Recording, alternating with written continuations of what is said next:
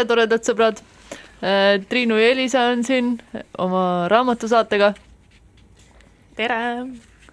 Äh, täna me mõtlesime alustuseks äh, võtta Veronika Kivisilla raamatu Kuni armastus peale tuleb, me oleme seda kõigile hästi palju soovitanud, igal pool sellest kirjutanud, aga siis meenutasime, et me pole sellega saatesse tulnudki veel jah, välja arvatud üks pisikene lõik, mis jäi sinna saate lõppu, kus me Margit Juurikaga rääkisime ah, Jaapani jah, kirjandusest. aga noh, see oli selle raamatu jaoks äh, häbematult lühike. Äh, tegu on siis äh, Veronika Kivisilla siis päeviku vormis kirja pandud mm. mõtetega, no ta ei ole päris no,, või noh, tegelikult kui võtta jah, siis ta on ikkagi päevik mingis mõttes need päevased sissekanded. aga ta teeb äh, ma korra räägin seda yeah. tausta yeah., et äh, ta teeb nii, et ta avaldab oma Facebooki seinal toredaid juhtumisi, mis tal on näiteks, äh, mis tal kodus on, mis tööl juhtub, mis ta tänaval pealt näeb. ja siis äh, ta on seda juba pikalt teinud ja, ja kõik ta sõbrad tohutult naudivad neid ja, ja on öelnud, et see võiks nagu raamatu kaante vahele jõuda ja siis lihtsalt Hunt kirjastus võttis, võttis ja tegi ära ja see viis, kuidas äh, ta kirjutab, on äh, nii mõnus ja mul vähemalt tekkis tunne, et keegi võiks minu elust ka samamoodi kirjutada siis oleks endal äh, hea niisugust päevikut lugeda. aga kahjuks ma päevikut sel kujul ise ei pea, nii et äh, peab teiste omasid lugema. jah, ma kunagi ise, ma mäletan, tegelikult pidasin, ma arvan, kümme pluss aastat päevikut aga mingi hetk tekkis mingi enesetsensuur peale, et ma nagu hakkasin mõtlema sellele, kuidas ma kirjutan, et kui keegi peaks seda lugema, et siis mida ta mõtleb, mida ta loeb, samas ma nagu kirjutasin iseendale, et see, tulid nagu suured käärid. selles suhtes on seda nagu mõnusam äh, Veronika kirjutisi lugeda, sellised vahetud ja mõnusad. jaa. Aga me loeme neid ette ka siit, need on niisugused äh, toredad lühikesed äh,, tihti äh, anek-, toodi mõõtu välja võtvad. kas sa, Elisa, alustad? ah,. leidsin selle esimese osa üles ah., mida ma otsisin kogu aeg, see oli järgmisel lehel ah. siis saad lugeda. jah, ma ütlesin Triinule lihtsalt, et ma väga tahaks lugeda seda lugu ette, kuidas äh, Veronika poeg äh, on sõpruse loonud ühe koeraga. nii et ma loeks siis äh, kaks erinevat sissekannet. viisteist oktoober kaks tuhat seitseteist sain teel valimisjaoskonda kokku naabermaja perenaisega, keda polnud kaua näinud. selgus, et ta on vahepeal pensionile jäänud. muuhulgas oli väga armas kuulda, et mu poeg pidada iga päev koolist tulles nende värava taga pikemalt peatuma, et ajada juttu naabrite vana habemiku Krantsi Jukuga. Naabrinaine ütles, et Ville tihti teda ei märkagi. ja siis muudkui räägib Jukule igasugu, igasugu lugusid juba esimesel septembril oli ta pikalt-laialt seletanud, et kool algas ja mis kõik toimus. tihti pidi ta tervituseks ütlema. noh, Juku, vana poiss, sina ju kusagil eriti ei käi, ma siis räägin sulle, mis maailmas uudist ja siis järgmise päeva sissekanne on siis kuusteist oktoober kaks tuhat seitseteist. Eilse postituse jätkuks, kus kohtasin naabrinaist, kes rääkis, kuidas mu poeg nende koerakesega vestleb koer, nagu öeldud, on väike habemik krants, kuueteistaastane, nimeks Juku. küsisin täna hommikul pojalt ka, mida ta Jukule siis viimasel ajal rääkinud on. poeg vastas, et on pidanud Jukut põhiliselt rahustama ja lohutama, sest üle tänava noorel husky tüdrukul on jooksuaeg ja Juku on väga rahutu ning kibeleb ka kossja siis ongi ta pidanud Jukule ütlema, et ta selle mõtte parem peast viskaks, sest on selle tüdruku jaoks ikka liiga vana ja väike Äh, nende lugude põhjal mul on tunne, et ma äh, täiesti noh, tean Veronika poega, kuigi ma temaga vist isegi kordagi kohtunud ei ole. aga igati äge ja. tegelane on ja üks, äh, ma ei tea, kas ma mingi hetk äkki leian siit kiiruga ülesse ka, üks poemüüja, kellega ta tihti kokku siis satub kodupoe müüja, kodupoe müüja ja see on ka väga värvikas tegelane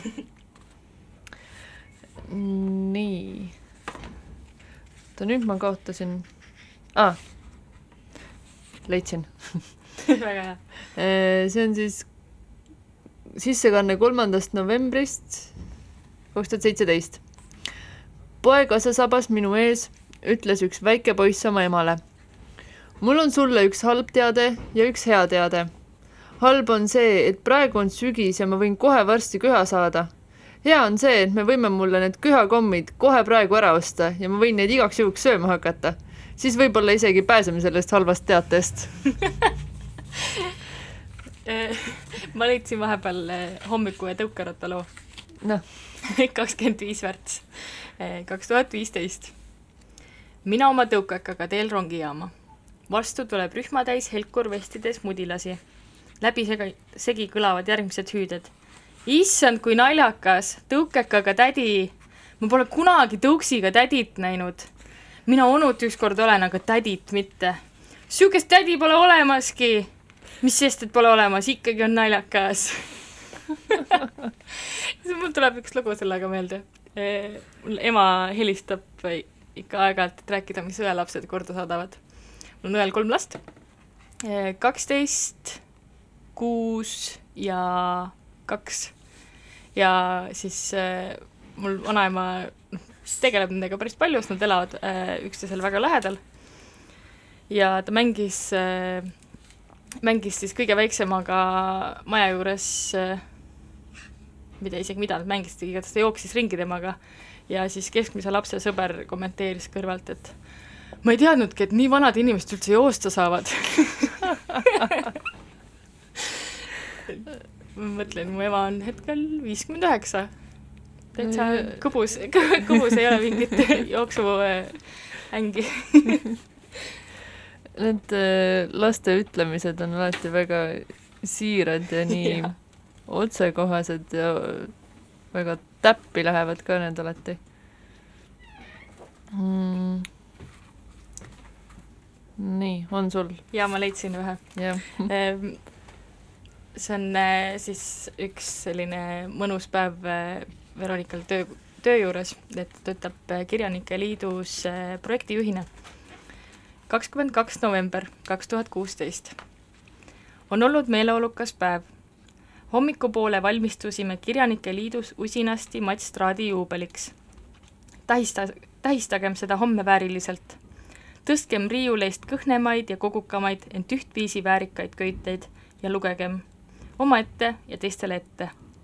kel võimalik, tulgu kell kuus Musta laega saali, kus kõlab valik meistri proosat ja luulet Tiit Aleksejevi, Jaanus Vaiksoo ja minu esituses. päeva muljeid kokku võttes on tore mõelda ka sellele, et Harju tänavalt astus täna läbi Mehis Heinsaar. tema ilmumine linnakiiresse on ikka nagu sõõm värsket õhku. eriti kui loen nüüd just kohutavalt kütkestavat ja samas häirivat Frederick Crossi kõndimise filosoofiat. kes lugenud, need küllap teavad, kuidas see teos paneb tahtma lihtsalt ära kõndida. rändur Mehis ütles, et peatub linnas vanaema juures, kes oli teda õpetanud üht suppi valmistama. uurisin himukalt, millist siis. Mehis naeris kaua ja mõnuga. vaata, Veronika, kui ma sellest supist sulle rääkima hakkan saab su tööpäev enne otsa, sihuke supp on see. ma parem kirjutan kord tollest supist. oi, ma ootan, lusikas pihus. sellised päevad, kulbi liigutamised, kirjandus, see on küll imeline supp. toredad, toredad lood. see on üks hästi lühike tuleb siia otsa nüüd. jah, kolmkümmend üks august kaks tuhat seitseteist. Veronika poeg ütleb. ma mõtlen ühele sõnale ja mul on hea tugev tunne. ema uurib, mis sõna see siis on? jõupaber. super. kas ma loen äh, viimase ja siis teeme väikse muusikalise Jah. vahepala? et see on äh, taaskord siis äh, äh, laste, laste pärleid. kakskümmend seitse jaanuar kaks tuhat neliteist. Suusatamise stiile on mitmeid. lapsed tulid selle talve esimeselt suusaretkelt. alguses me muudkui koperdasime ja sõitsime lombakat kana, siis tuli veidi paremini välja, see oli nobe tigu lõpuks sõitsime ikka jube hästi, siis olime täitsa turbokepardid ja siis ega Triinu ei teagi, ma olen juba loo vahepeal val-, välja valinud, aga ma ei ole talle öelnud. üllata mind. ma üllatan sind, et siis äh, ma pärast kommenteerin, mis lugu see oli.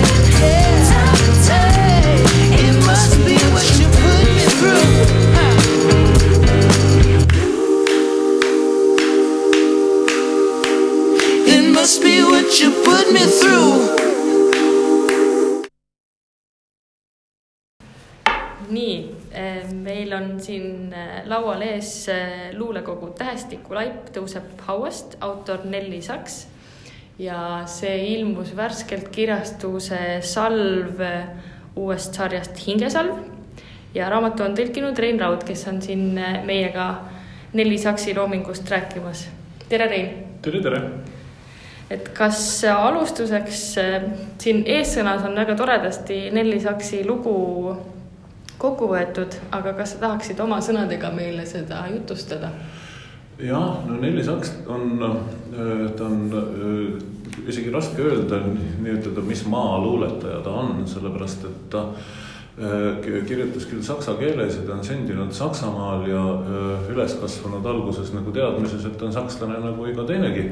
aga äh, kui tulid võimule natsid, siis äh, selgus äkitselt, et ta on hoopis juut Äh, ja kui tema perekond äh, sai sellest teada, saksa haritud juudid nagu äh, üldiselt väga palju oma sellest niisugust äh, juudi juurtest äh, ei mõelnud ja nad nagu olid lihtsalt, pidasid end harilikeks kodanikeks, aga siis hakati järsku neid taga kiusama ja ja äh, Nelli Saksi üsna jõukas perekond, neil hakkas ka halvemini minema, nad pidid kolima järjest väiksematesse äh, ruumidesse äh, või kodudesse.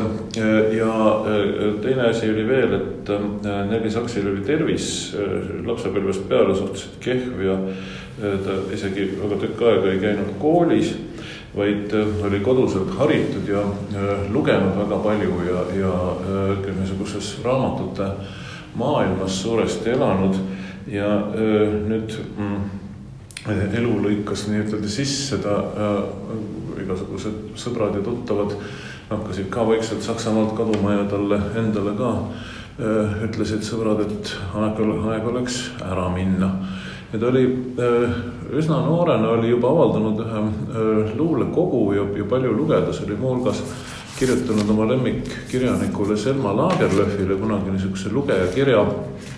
Ja äh, Lagerlöf oli talle vastanud, ilmselt sel ajal veel väga palju niisugust fännmeili ei, ei, ei saadetud, et äh, Lagerlöfil oli aega ja siis neil oli nagu niisugune kirjavahetus ja arenes välja selline sõprus ja nüüd siis Nelli Saks pöördus ka või nagu õigemini tema tuttavad hakkasid ajama asja, et äkki Lagerlöf saadaks talle kutse Rootsi. Lagerlöf ise ei saanud aidata, aga vahendas tutvust, seal oli üks niisugune maalikunstnikust prints, kuninga poeg, kes äh, saatis selle kutse Saks ja tema ema said viisad, isa oli siis juba surnud ja äh, tõesti napilt äh, jõudsid Saksamaalt põgeneda, sest äh, mingi paar päeva hiljem oleks nad juba äh, võetud kinni ja laagrisse saadetud ja, ja isegi üks ametnik, kelle käest käis Nelli Saks mingit tõendit võtmas politseist, sattus olema korralik inimene, ütles, et teate, võtke lennukipilet, ärge hoidke kokku, sõitke lennukiga, seepärast et kui te rongiga sõidate, siis teid võetakse piiri pealt maha ja lähete, lähete ikkagi la, äh, laagrisse. ja äh, ta elas siis Stockholmis äh, ja äh, nagu jälle järjest kehvemates oludes, kuni äh, sest et noh, neil sissetulekut ei olnud ja siis lihtsalt, mida seal juudi kogukond natukene toetas neid ja nii. Ja ema oli tal ka haige, nii et tal tegelikult ei olnud isegi tööle väga võimalik minna, nii et ta nagu päevad läksid ema põetamisega ja siis öösiti ta kirjutas ja vot see, mida ta siis seal öösiti kirjutas, sellest on üksjagu siis nüüd eesti keelde saanud. järgmiseks äh, küsiks ehk, et äh, kus tuli teil siis kokkupuude äh, Nelli Saksiga ja miks otsustasite selle tõlkimise ette võtta? mul on niisugune komme, et ma üldiselt hommikuti loen luulet nagu ühe või kaks luulet vist iga päev, kui vähegi saab ja ma olin siin vahepeal natuke aega külalisprofessor Berliinis ja siis mõtlesin, et nüüd oleks õige hea äh, aeg nagu ennast saksa luulega natuke paremini kurssi võtta, et muidugi ma olin seal äh, lugenud varem juba Celanit ja Rilket ja mitmeid lemmikuid seal, aga siis äh, läksin suurde raamatupoodi ja hakkasin vaatama, mis seal veel on ja siis Nelli Saksi nimi mul oli tuttav, sellepärast et kunagi Loomingu Raamatukogus ilmus Jaan Kaplinski tõlkes üks tema draama nimega Eeli. Ja ma ei olnud seda lugenud, aga ma teadsin seda nime siis vaatasin, et näh, riiuli peal Nelli Saks, teen kuskilt keskelt lahti. Ja mulle sattusid kesköökoorid ette ja ma nagu ei valeta, ma pean lihtsalt lugesin mõned read ja sain aru, et ma pean istuma, sellepärast et söötas, mul jalad nõrgaks lihtsalt, see oli nagu nii kuidagi intensiivne ja valdav ja see oli just sihuke, see oli see aeg ka, kui Euroopas oli see tohutu põgenikekriis ja see äh, Saksi niisugune see viis, mismoodi ta nagu selle oma kodumaast ilma jäänud inimese seisundist kirjutab ja, ja samas tal on, eks ole, niisugune hästi müstiline sihuke sürreaalne kujundi keel. see lihtsalt nagu elektrilöök või noh, nagu keegi oleks malakaga vastu pead andnud, tähendab. siis ma sain aru, et ma pean seda tõlkima, aga noh, eks see võttis aega, et ma nüüd niimoodi. see on päris raske, aga niisugune üsna masendav tegevus tegelikult.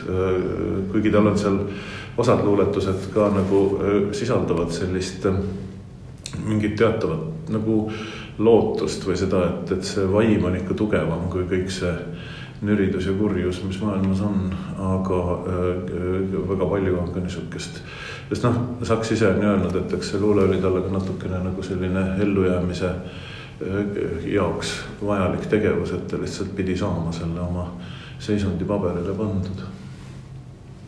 Sa just tõid lõppu selle välja, et ma loen siit tagakaanelt seda tsitaati, ma kirjutan, et ellu jääda. see on juba nagu, kui võtta nii-öelda nagu võõras raamat kätte poes, siis tavaliselt äh, kiputakse ikka seda kirjeldust vaatama, siis mm. esimene lause, see on väga võimas. aga kui seda luulet lugeda, siis ma kuidagi saan aru sellest no.. tuleb väga hästi läbi, jah aga kas äh, loeks ette jah, ma selle kesköökooli? võtan siit kesköökoolidest siis. siin on need erinevad, aga siis äh, valisid päästetute kori. jah, see on, see on vist üks kõige võimsamaid, mis siin on, aga nagu, eks need on muidugi kõik võimsamad. me päästetud, kelle õõnsatest jäsemetest on surm juba lõiganud endale flöödid kelle kõõlustest on surm endale poogna pingutanud.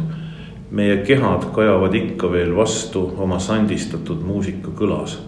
me päästetud, endiselt ripuvad meie kaelte jaoks sõlmitud silmused meie ees selles sinises õhus. Ikka veel täituvad liivakellad meie tilkuvast verest me päästetud, ikka veel närivad hirmuvaglad meid, meie tähtkujud maetud on põrmu. me päästetud, palume teid näidake aeglaselt meile oma päikest, juhtige sammhaaval tähelt tähele, laske meil tasakesi õppida uuesti elama. muidu võib minna nii, et linnulaul kaevul vett täis saav ämber võivad lahti murda me kehvasti kinni pitseeritud valu ja uhtuda meil minema. me palume teid, ärge näidake veel meile hammustavat koera. võib minna nii, võib minna nii, et me pudeneme põrmuks, pudeneme põrmuks te silme all mis hoiab siis koos meie lõime. hingetuks oleme jäänud, hing on tema juurde lennanud meil läbi südaöö, ammu enne, kui päästeti meie keha silmapilgu laeva pardale.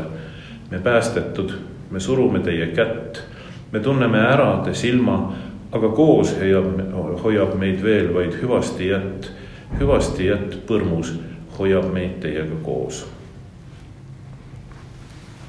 See on tõesti väga võimas luuletus.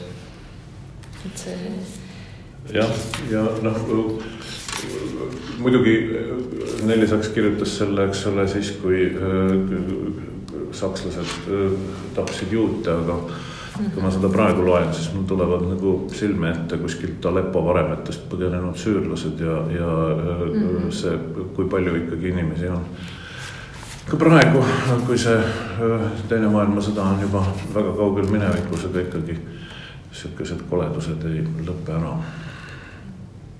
paralleele saab palju tuua siit. Jaa. ka. ma tahaks lugeda ühe luuletuse siia otsa ja siis äh, siis ma annaks uuesti sõna mm -hmm. Triinule ja. ja siis Triinu võiks veel lugeda. aga mulle kuidagi tundub, et see just see inimese olemise piiratus, et see luuletus, mis on selle kogu esimene, sobiks siia hästi. nii lühidalt on vabaks antud inimene, kes võib siin üldse armastusest rääkida. merel on pikemad sõnad, nagu ka maa kristallsetel tahkudel ja tulevikku ennustaval kasvul. see kannatav paber juba haigesest põrmust põrmu laulust õnnistatud sõna juhtiv eksiteele, võib-olla tagasi tema magnetpunkti, mis on Jumala läbilasklik.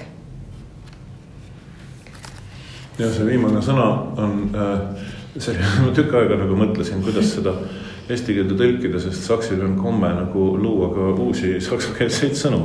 Äh, ja äh, nagu äh, omadussõna, mis viitab sellele, et jumal mahub või käib kuskilt läbi ta tegelikult ametlikult nii-ütelda usklik ju ise kunagi ei olnud, aga väga olulisel kohal oli tema jaoks juudi müstika, keegi kinkis talle raamatu, mida ta siis nagu hoolega luges ja ja äh, juudi kabala äh, ehk siis niisugune müstiline õpetus, mis väidab, et pühakirja taga on peidus veel teine äh, nagu niisugune olulisem ja müstilisem äh, sõnum äh, ja mm, ja see teda väga mõjutas ja ma, ma arvan, et see niisugune luule ja müstika kokkusattumine oli, oli noh, või on, see on see noh, pinnas, millest see luulekeel on nagu kasvanud. Ja sa sellest äh, tõlkimise ja uudissõnade probleemist rääkisid siin eessõnas ka, et kuidas see, eks see on keeruline küsimus siiani, aga luule tõlkimine kui selline, et äh,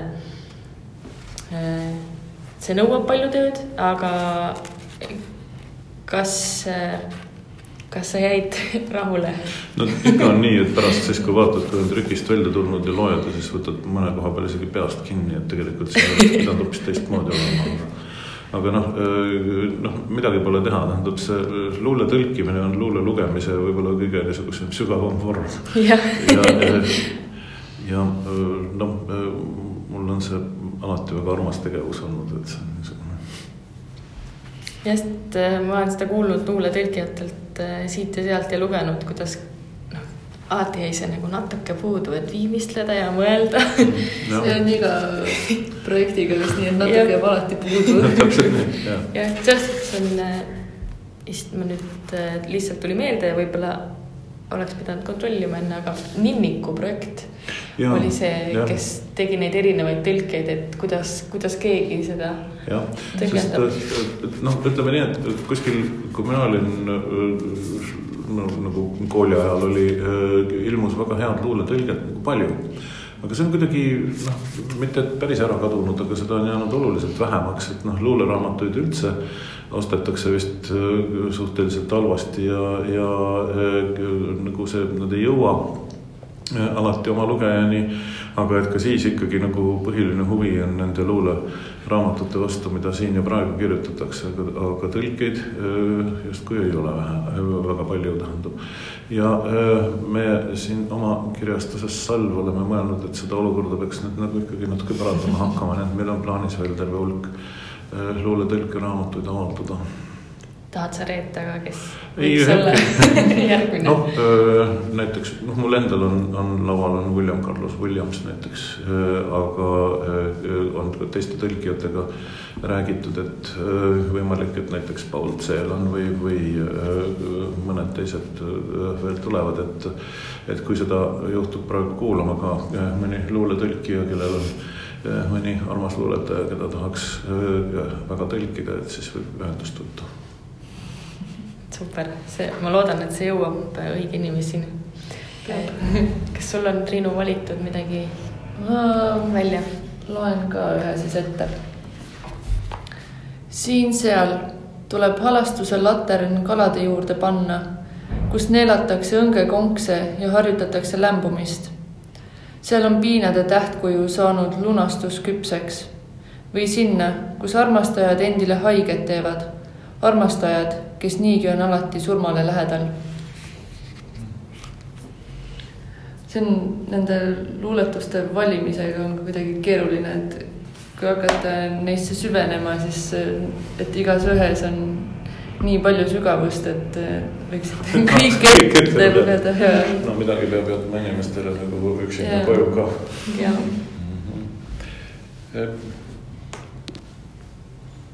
kas sa loed järgmise? jah, ma võiksin lugeda veel ühe jah, et äh, siin üks niisugune äh,, mille ette on Elis Aks pannud äh, prohveti ja saaja raamatust ühe lause.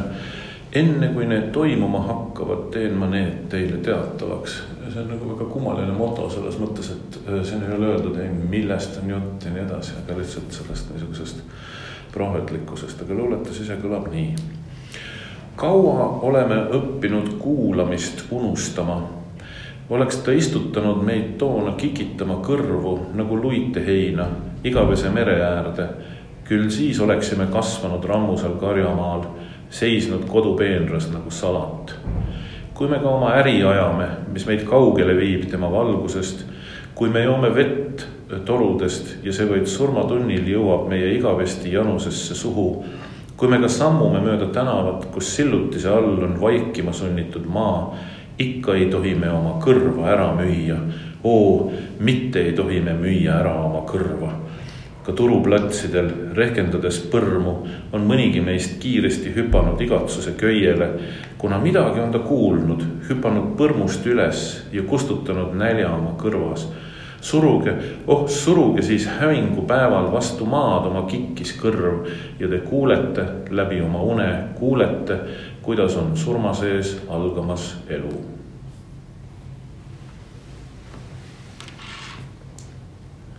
Ma mõtlesin ka selle lause peale hommikul, kui ma lugesin seda luuletust.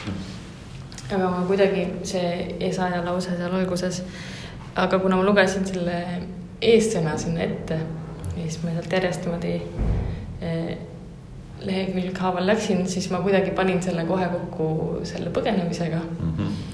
Ja kuidagi nagu võib-olla etteheitena, et, et sa ei andnudki teada ette meile, kuigi noh, see tuli Jah, lõpuks, aga, aga jah. kuidagi ma enda peas panin selle jah, selliseks äh, kibestuseks kirja või aga ka selleks, et see, see eh, jutt sellest oma kõrva äramüümisest on mu meelest nagu tänasel päeval täiesti nagu niisugune, see, see kujund on nii täpne, et inimesed on lihtsalt müünud oma kõrvad ära, need kõrvad, millega on võimalik kuulda seda noh, seda kõige olulisemat selles niisuguses melus ja mürglis, mis, mis meie ümber on. või siis see või äkki seda mürglit ongi nii palju, et kõrvad ei jaksa. jah, jah, aga. see noppimine on läinud järjest keerulisemaks. jah, aga see meenutus jah, et seda, seda kõrva ei tohi ära müüa. see on väga hea kujund.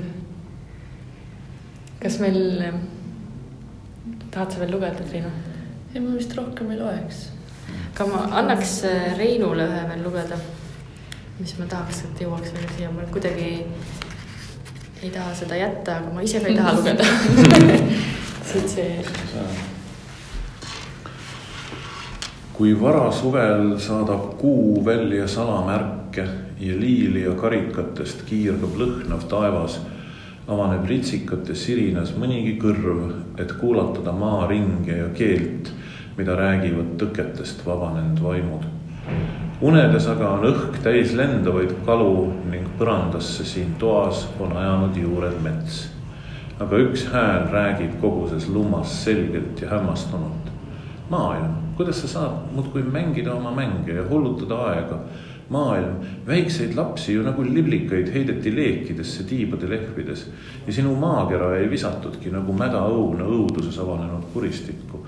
ja päike ja kuu muudkui jalutasid, kaks kõõrsilmset tunnistajat, kes midagi ei näinud. see sobis suurepäraselt eelmise jätkuks jah.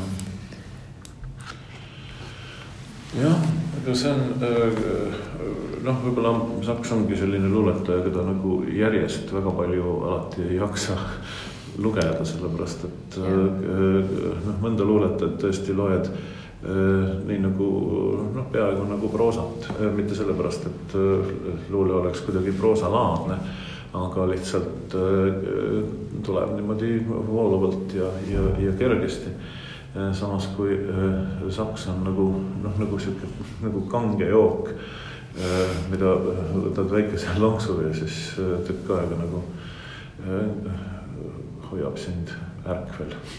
on küll nii jah.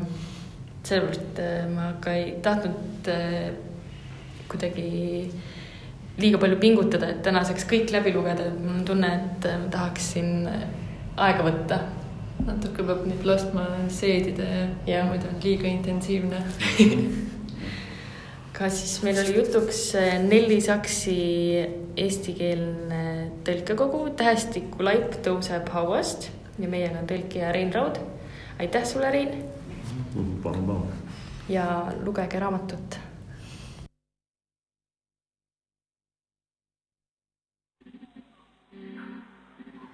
Just like the sea, I don't know where to go. Through dirt and shadow, I grow. I'm reaching light through the struggle. And just like the sea, I'm chasing the wonder.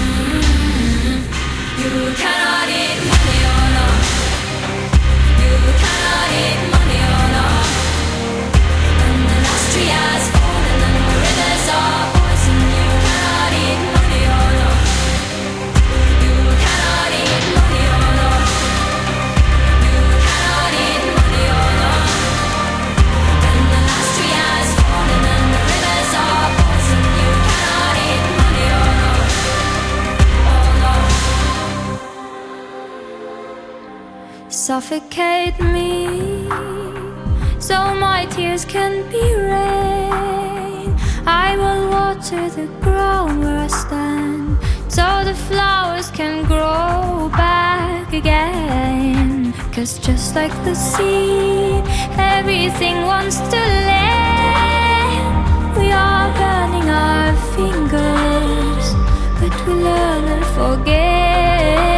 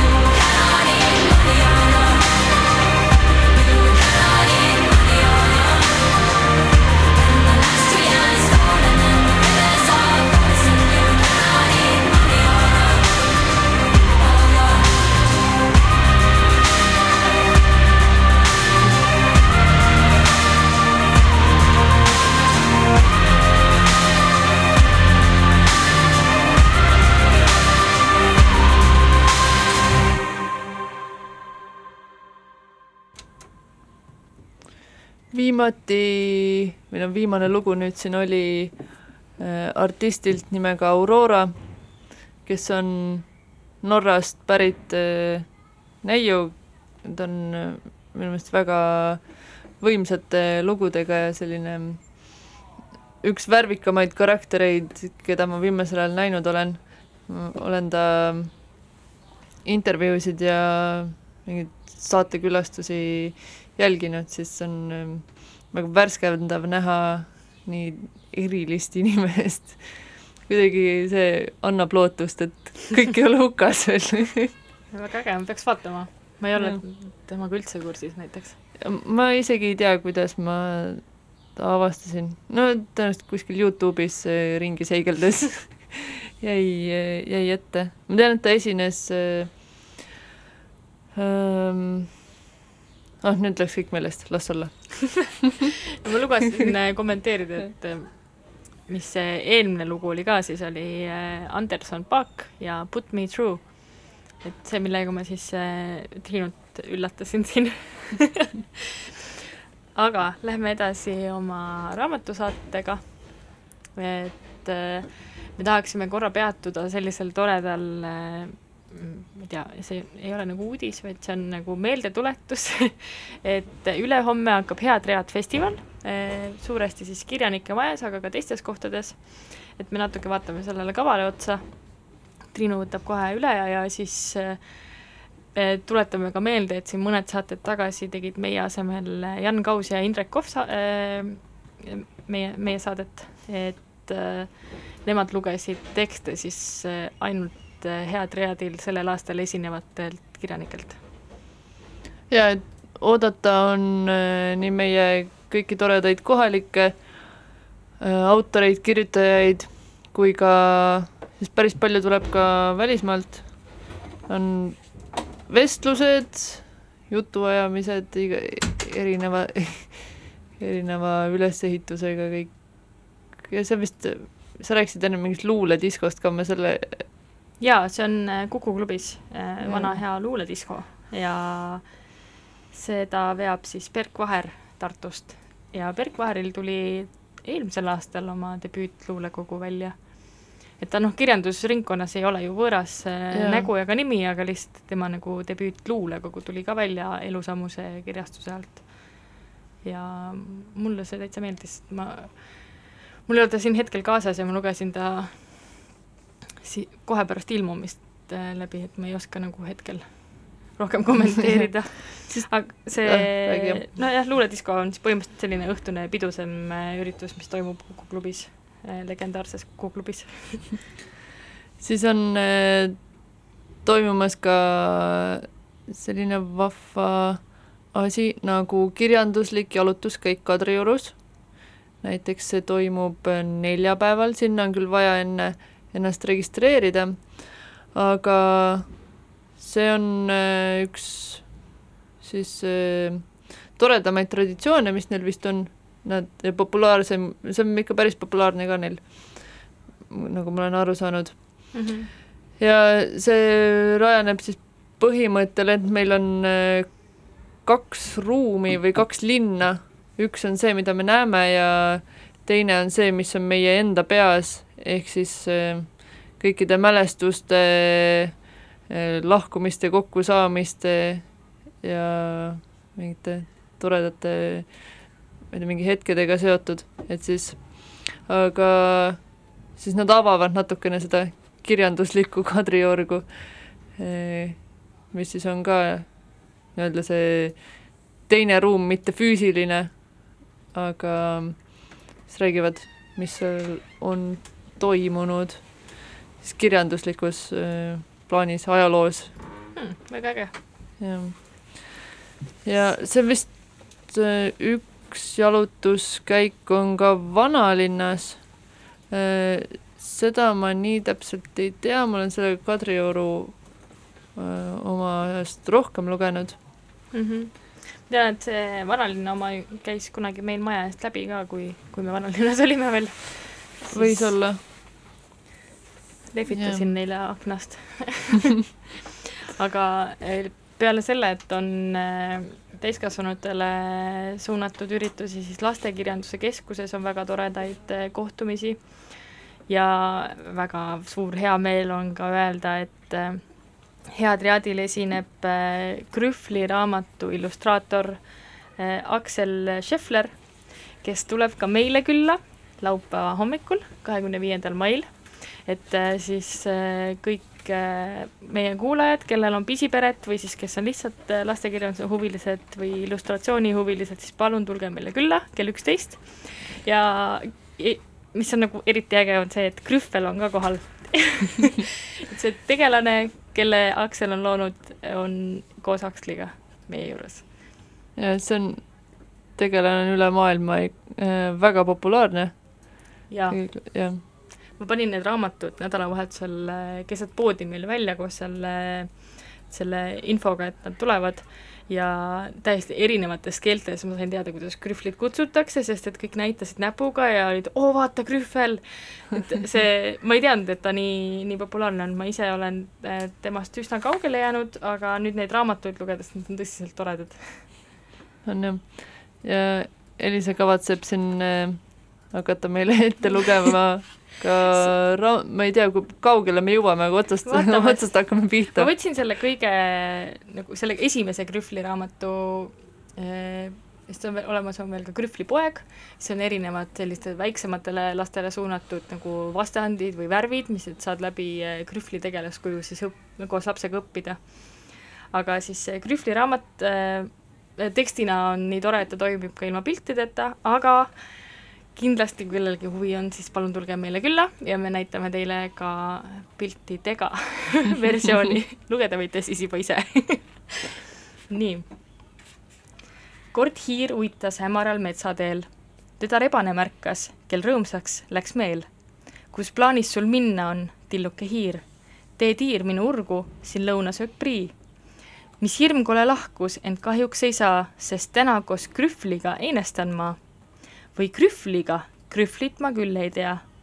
ah Krühvel, siis kuula ja meeles pea.